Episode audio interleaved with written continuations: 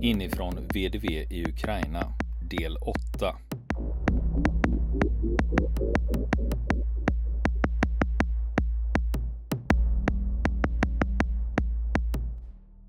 Nu är det kväll, den 26 februari.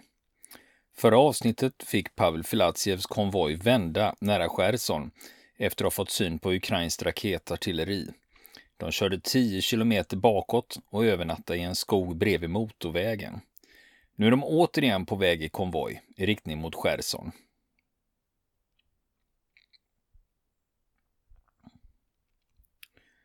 Nu börjar solen gå ner och färgerna börjar försvinna. Det luktar krutrök och rök. Vi körde förbi övergivna fordon och gamla fordon. Det verkade som om de övergivna ukrainska fordonen jag såg igår nu hade blivit sönderskjutna. Det troligaste var att stridsvagnarna som kör framför vår konvoj sköt sönder dem på avstånd för att inte ta några risker.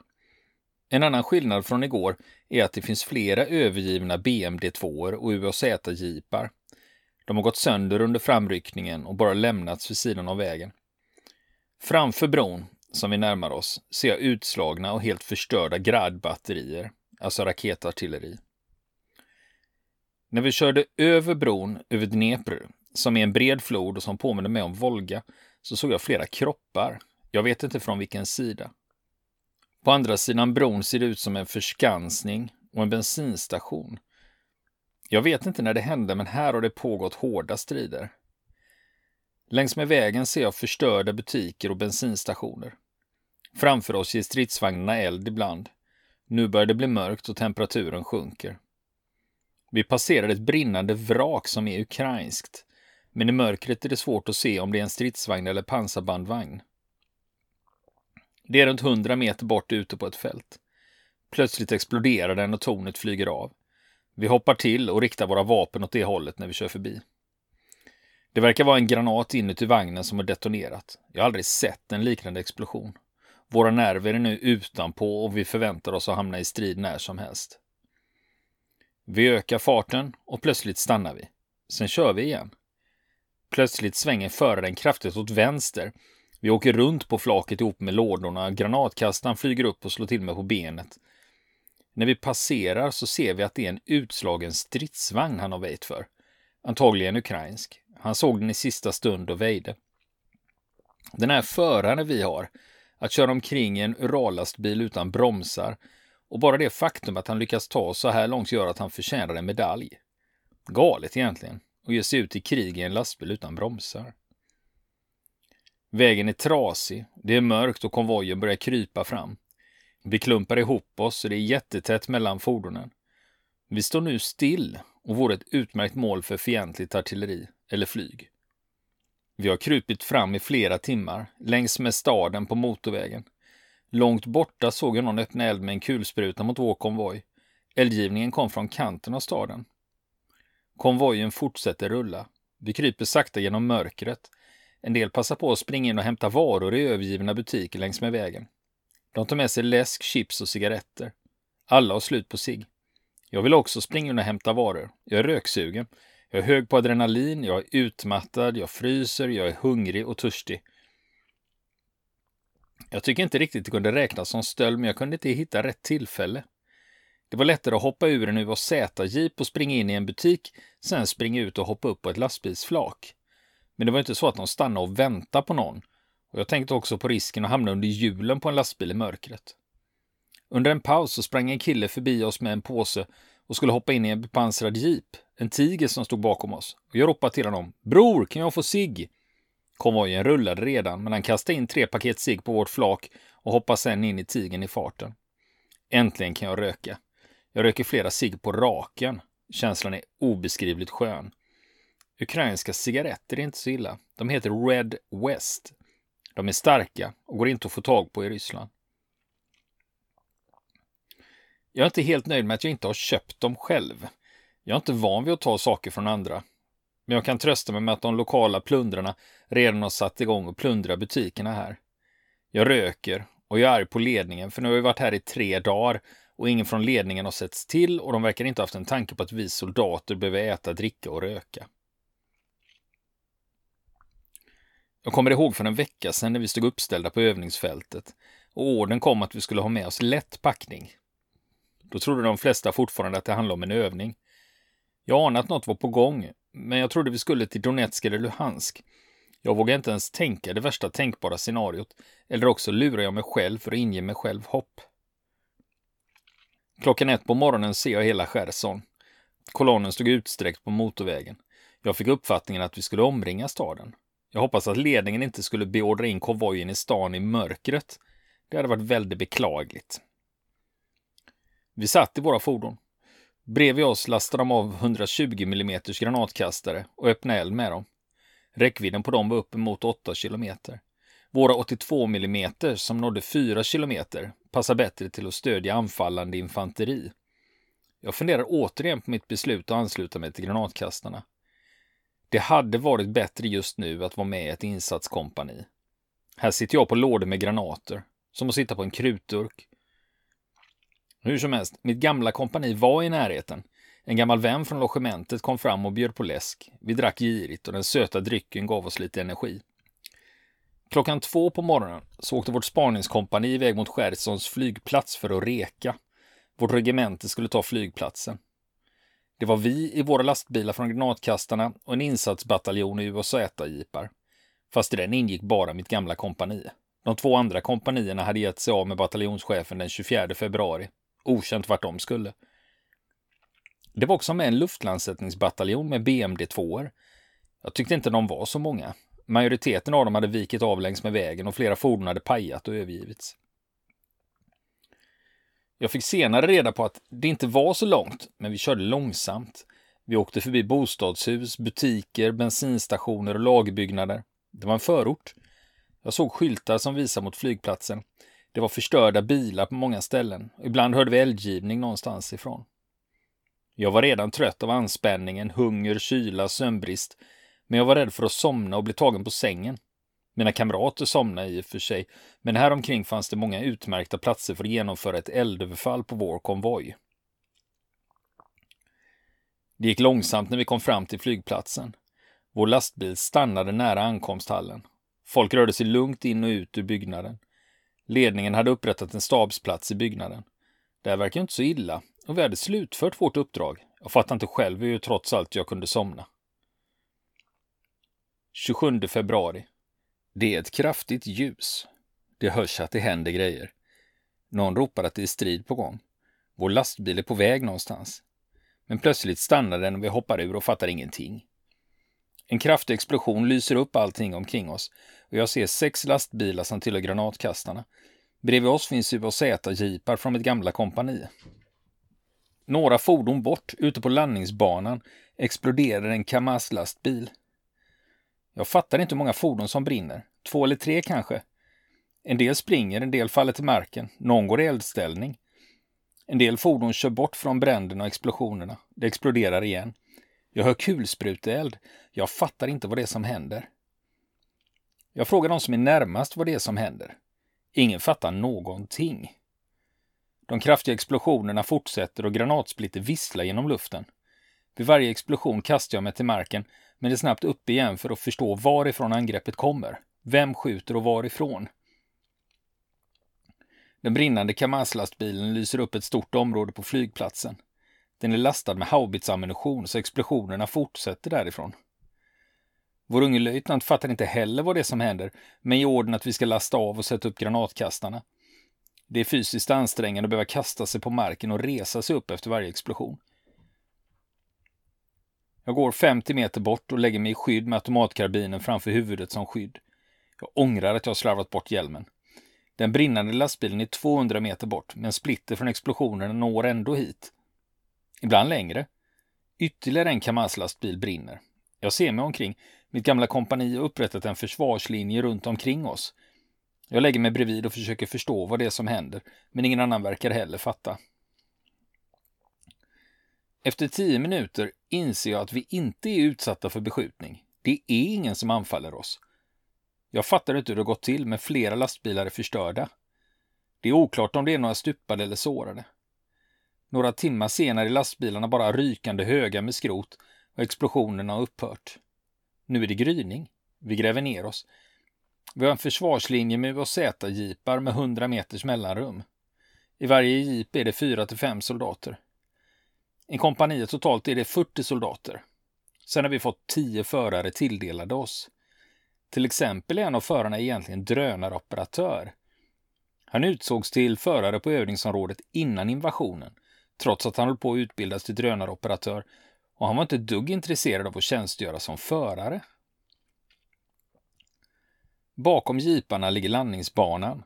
Bakom den terminalbyggnaden där det står flera fordon. Det är där staben är upprättad.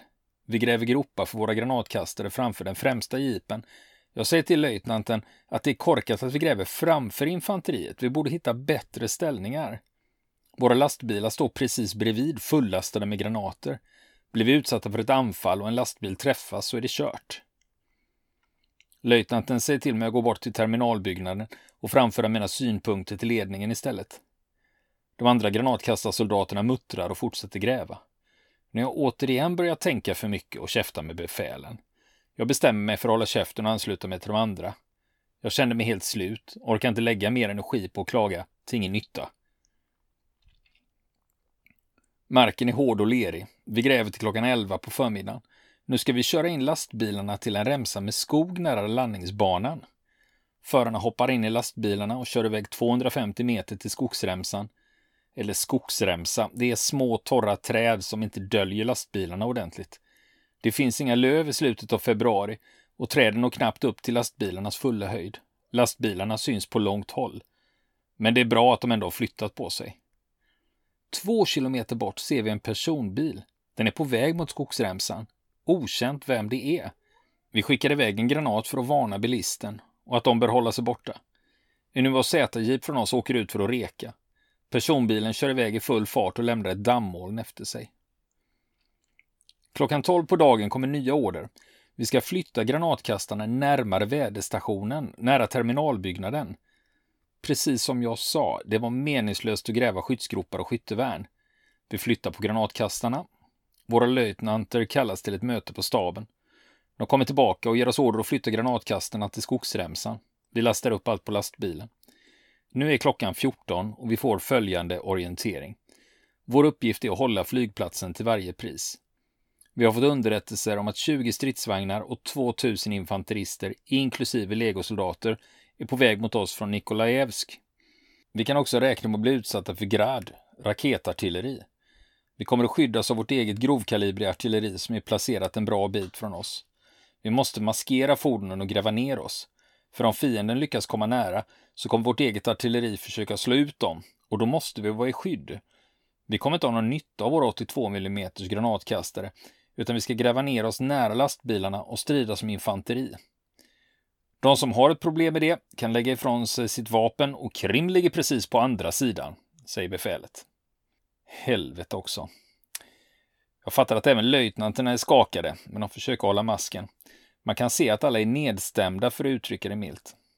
En säger att eh, jag behöver inte den här skiten. Någon försöker morska upp sig. Några börjar tyst maskera lastbilarna. Men det blir ingen bra maskering. Det finns bara torra grenar utan löv. Och med det så lägger vi på en tältduk. Så det ser mer ut som en påskbrasa. I den här tunna dungen så syns det på långt håll att det står sex lastbilar med pinnar ställda mot dem. Och det är sex lastbilar fyllda med granater. Återigen kan jag inte hålla käften och säga att det här är ju helt åt helvete, maskeringen ser för jävlig ut. Vi måste gräva ner oss snabbare och en bit bort från lastbilarna, för de exploderade under striden så vi körde allihop. Löjtnanten anvisar oss en plats att gräva, 30 meter från lastbilarna. Men jag vet att det avståndet inte räcker. Alla börjar tjafsa och bestämmer själva vad de ska gräva. Några gräver 30 meter från lastbilarna, andra precis intill fordonen. Jag fattar att det är rena självmordet. Återigen inser jag att på militärhögskolorna lär de inte ut självständigt tänkande. Den enda trösten är att de faktiskt är här hos oss. Alla officerare över kompanichefer är i staben på terminalbyggnaden. Några av våra soldater går dit för att hämta vatten. De kom tillbaka med så mycket vatten de orkar bära. De berättar att alla officerare är i staben. Där finns det vatten och taxfreebutiken är redan plundrad. Det känns orättvist. Här är vi utan ett skit och staben har mat, alkohol, cigaretter och vatten. Terminalbyggnaden ser rejäl ut så chansen att överleva ett anfall där inne är nog stor. Nu behöver jag gräva men jag saknar krafterna så jag ligger ner under en halvtimme och bara tittar på den blå himlen. Jag funderar på att ansluta mig till mitt gamla kompani och skita i granatkastarna. Men då blir det bara tre soldater på granatkastarservisen, varav en är förare, då försvagas de ytterligare. Så jag bestämmer mig för att stanna. Om det nu är så att jag är med dem, så finns det väl en mening med det. Jag reser mig upp och går runt och kollar våra ställningar. Vi med granatkastarna är placerade längst till vänster. Till höger är mitt gamla kompani. Till höger om dem ser jag UAZ-jeeparna från fjärde och femte insatskompanierna. Det är de fordonen som inte åkte med bataljonschefen. Och längst till höger är det BMD från fallskärmsbataljonen. De kan jag inte se. Flygplatsområdet är så stort så de syns inte härifrån. Staben, sambandet och sjukvårdsresurserna är terminalbyggnaden. När jag går förbi kompaniets position så ser alla slitna ut. De gräver, förbereder granatsprutor, tunga kulsprutor och pansarvärnsroboten Atlas. Ingen här har skjutit med Atlas, för varje robot kostar 500 000 rubel. Den här armén är kass. De lägger fram granater, magasin och raketgevär i skyttevärnen. Det är alltid något. Det verkar inte vara någon brist på ammunition. Om man hushåller med den skulle man kunna klara att strida hela natten. Men det förutsätter att vi inte kommer under beskjutning från stridsvagnar eller raketartilleri eller ett anfall från deras infanteri. Bredvid står de gamla fula UAZ-jeeparna som är obepansrade, som inte skyddar mot splitter. Det enda de gör just nu är att avslöja vår position. När jag tittar på soldaterna är de på samma gång välbekanta men också främmande. Den blicken de har ser man inte hos människor i det civila livet. Antagligen för att de som var här visste att det här kunde vara deras sista natt i livet. Men så har det varit ett tag nu. Det är både med nyfikenhet och ångest som jag betraktar de soldater som jag skulle ta Kiev tillsammans med på tre dagar. Jag märker att det vi är med om börjar påverka dem. Men trots allt så gräver de ner sig och ingen tänker smita härifrån. Innan kriget brukar vi skoja om vår så kallade professionalism, men nu ser de allvarliga och sammanbitna ut och tilltalar varandra med broder. Det finns en känsla av stolthet bland männen här. Återigen får jag känslan av att nu har vår tur tagit slut. Vi måste skärpa oss. Våra föregångare inom de luftburna styrkorna stred till siste man. Om det är vår tur nu så ska vi kämpa ända till slutet. Efter den insikten och att jag accepterar situationen så blev jag återigen förbannad över att vårt stridsvärde bara var en pappersprodukt. Vi har antika fordon, UAZ-jeepar, BMD-2 och Urallastbilar. De tunga kulsprutorna och granatsprutorna vi har med oss har funnits i ryska armén i över 50 år. På den tiden var det skitbra grejer, men det har trots allt gått 50 år. Vi ska vara en insatsbataljon från de luftburna och de skickar ut oss i krig med obepansrade jeepar. Och de är inte i bra skick heller.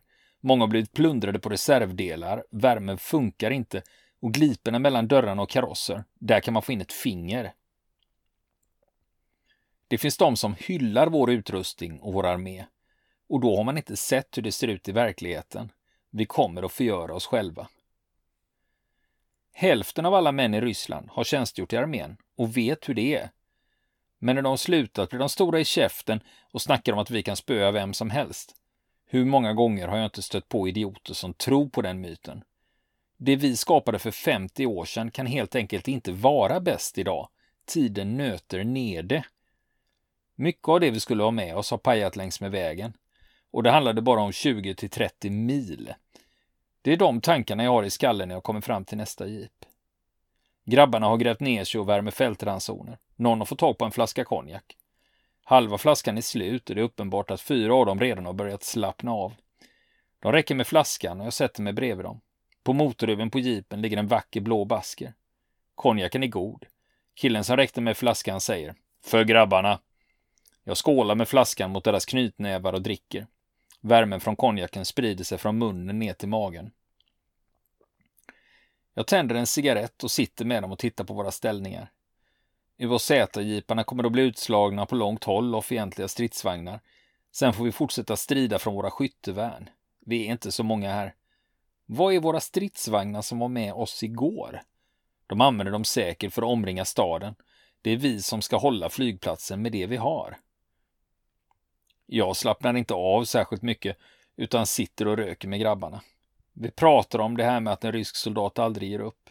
Vi anpassar oss nu till situationen. Det är egentligen skamligt att vi i de här situationerna, att vi faller tillbaka till minnet av de stolta soldaterna som föregått oss och stupat för länge sedan och i andra krig. Det handlar om att vi får förlita oss på patriotism istället för god utbildning, god försörjning och modern teknologi. Jag var nu tvungen att gräva mitt skyttevärn. Jag gick tillbaka till granatkastarna 200 meter bort. Jag såg att de flesta redan grävt värn, inte djupare än att man kunde ligga i dem och skjuta. Det visade sig att de grävt en rad med värn att ligga i. Jag valde en plats bredvid de andra i min servis och sen började jag gräva utan paus. När jag var klar la jag ut granater inom räckhåll. Jag lämnade en nere på botten av värnet. Vi samlades och snackade ihop oss om hur vi skulle agera om det hände något. Vi värmde fältransoner och åt. Det var faktiskt riktigt gott. Vi kokade vatten och drack kaffe som ingick i fältransonerna. Under dagen hörde vi skottlossning någonstans ifrån. Jag såg även hur vi på andra sidan terminalbyggnaden sköt ner drönare med luftvärnsrobotar och typen Pantsir. Men nu hade skymningen fallit och det var mörkt ute. Jag gick runt bland granatkastargänget och pratade med alla. Jag märkte att jag gillade inställningen hos fanjunkaren från Dagestan. Han var i min ålder. Det var uppenbart att han var uppe i varv, men utstrålade mod och sa att vi ska ge dem, att vi ska slå tillbaka de där ukrainska fittorna om de försöker något och att vi inte ska vika oss utan hålla ställningarna. Det börjar närma sig midnatt och jag tröttnar på att vänta att vi ska bli anfallna.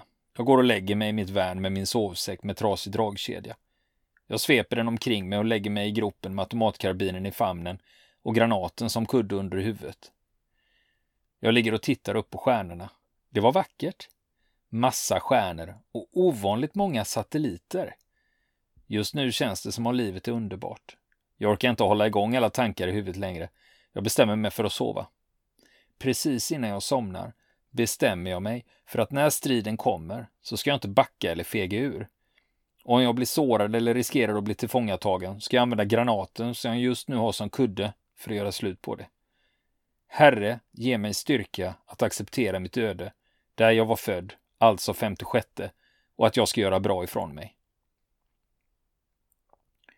När jag tänker tillbaka på när jag arbetade med hästar för tio år sedan i ett helt annat liv, det var som om det inte var jag, ett helt annat universum. Nu är jag här på riktigt. Sådana tankar flöt runt i skallen på mig och jag kände ett lugn och en lycka i att jag accepterade mitt öde. Oavsett vad som skulle hända mig.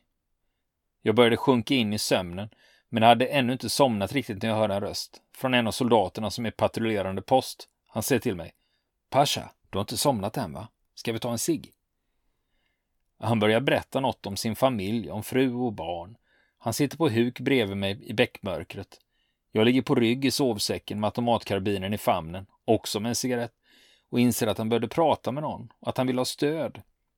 Jag sa någonting till honom som han kunde fördjupa sig i och sen somnade jag. 28 februari. Jag vaknade i gryningen. Gud vad världen är vacker. Nu vill jag leva igen. På natten hade jag hört explosioner och skottlossning, men vet inte var det var någonstans. Annars sov jag som ett barn under natten. Jag kommer ihåg att jag vaknade till en gång på grund av kylan, men somnade strax om igen. Efter att ha gått runt och snackat med de andra värmer vi upp fältransoner. Vi blev inte anfallna i natt. Det verkar som om fiendens artilleri var så långt borta att de inte kunde nå oss med sina granater. Men det är bara rykten, jag vet inte säkert. Jag hör rykten om att en BMD öppnade eld med sin automatkanon mot en civil personbil. Det skulle varit en mamma med flera barn i bilen och bara ett barn skulle överlevt. Barnet ska nu vara i terminalbyggnaden. Jag har inga illusioner om vad krig är och vad som händer, men det känns ändå inte riktigt bra att höra sånt. Medan våra regeringar funderar på hur de ska lägga upp det så är militären på bägge sidor deras verktyg. Och så dör civila och deras välbekanta värld rasar samman. Det känns som om alla fattar att det är så. Men när man inser det så vet man ändå inte vad man ska göra. Om du bara släpper allt och sticker, då är du en fegis och förrädare. Men om du stannar kvar och fortsätter så blir du medskyldig till de dödsfall och skador som drabbar de civila. Det är ett olösligt dilemma. En timme senare ser jag UHZ-jeeparna från fjärde och femte kompaniet förflytta sig och ta nya ställningar framför oss och till vänster om oss. Jag känner en glädje och att allt är inte så jävla illa ändå. Jag går iväg för att snacka med dem och fråga hur de har haft det. Jag kommer fram till dem och går från jeep till jeep. De berättar att de hamnade i strid på bron och tog skydd i skogen i väntan på huvudstyrkan. Men de saknade samband. Jag ska inte berätta om de känslofyllda beskrivningar som de berättar för mig. Vad som är sant eller inte, det vet bara de som var med. Jag fick några paket cigg av dem och jag gick därifrån på gott humör. Det var en hel del goda nyheter i alla fall. Jag går tillbaka till våra värn vid granatkastarna och ser att vårt befäl är tillbaka. Han ser förresten annorlunda ut. Antagligen har vi andra också förändrats. Jag får reda på att vi ska gräva nya gropar för granatkastarna. Ett par timmar senare kom orden att vi ska sluta med det vi höll på med. Vi ska samlas för att anfalla Cherson. Det var en obeskrivlig känsla. Jag vet inte om det var tröttheten eller om vi inte fattade sammanhanget. Ingen vet ju någonting ändå. Det finns ingen att fråga och om vi får veta något så är det i sista sekunden. Enligt vad vi får veta så ska vi från de luftburna göra ett blixtanfall, ta ett brohuvud och hålla det tills huvudstyrkan kommer. Vi har inga riktigt tunga vapen eller fordon i de luftburna. Vi är ju inte arméns huvudstyrka. Totalt i hela landet är vi kanske 40 000, varav en del är värnpliktiga och de är garnisonerna. Vad är armén förresten överhuvudtaget? Varför är det bara mitt gamla sjätte insatskompani som ska stanna kvar på flygplatsen och fjärde och femte kompanierna ska vara med och storma Cherson? Ska flygplatsen försvaras av bara ett försvagat kompani? Efter lunch, eller ja, egentligen runt klockan 17, så ställer vi upp på landningsbanan i en kolonn. Det är runt 30 UAZ-jeepar från fjärde och femte kompaniet. Det är vi, våra granatkastare och en lite mindre mängd granater som ska åka med i jeeparna, så vi lämnar lastbilarna på flygplatsen. Jag vill inte åka med i en fullknökad UAZ-jeep utan jag väntar tills den sista UAZ-jeepen i kolonnen kommer fram. Då visar det sig att det är den enda deltagande jeepen från mitt gamla sjätte kompani. Jag hoppar in i den och kolonnen rullar. Vi är sex soldater i den och bilen är fylld med ammunition, granater, en tung kulspruta och pansarvärnsrobot. Det finns knappt plats att sitta. Vi äter och förbereder våra vapen för strid. Sen håller vi uppsikt utåt, beredda att öppna eld. När vi kör från flygplatsen ser jag andra sidan av den. På en del platser ser det ut som det varit strid. Kolonnen kör fort. Alla är på helspänn. Flera bepansrade jeepar av typen Tiger kör om oss. Vi hälsar på varann. Det verkar vara Kadyrovtsi, alltså paramilitära tjetjener. Vi kör igenom förorter, industriområden, passerar bostäder. Det finns grupper av civila ute. De bär på kassar. De flyr staden. Bilen är fullpackad. Granater och granatkastare ligger på golvet. Vi sitter och står på dem. Om något av det här skulle smälla kommer vi att omnämnas som att vi hjältemodigt stupade i strid. Medan vi kör siktar jag med min automatkarbin och förbereder mig ifall det ska bli ett eldöverfall. Då blir jag tvungen att försöka ta mig ur fordonet trots att det är trångt. I fordonet finns det redan kulhål och med tanke på all ammunition här är det som en rullande krutdurk. Och med det så pausar vi Pavel Filatsievs berättelse för den här gången och så fortsätter vi nästa vecka. Vill ni komma i kontakt med oss så kan ni göra det via vår Facebook-sida som heter Fronten. Det är inga problem för er att leta er fram där. Eller också så mejlar ni på vår mejladress och det är frontenpodcast.gmail.com.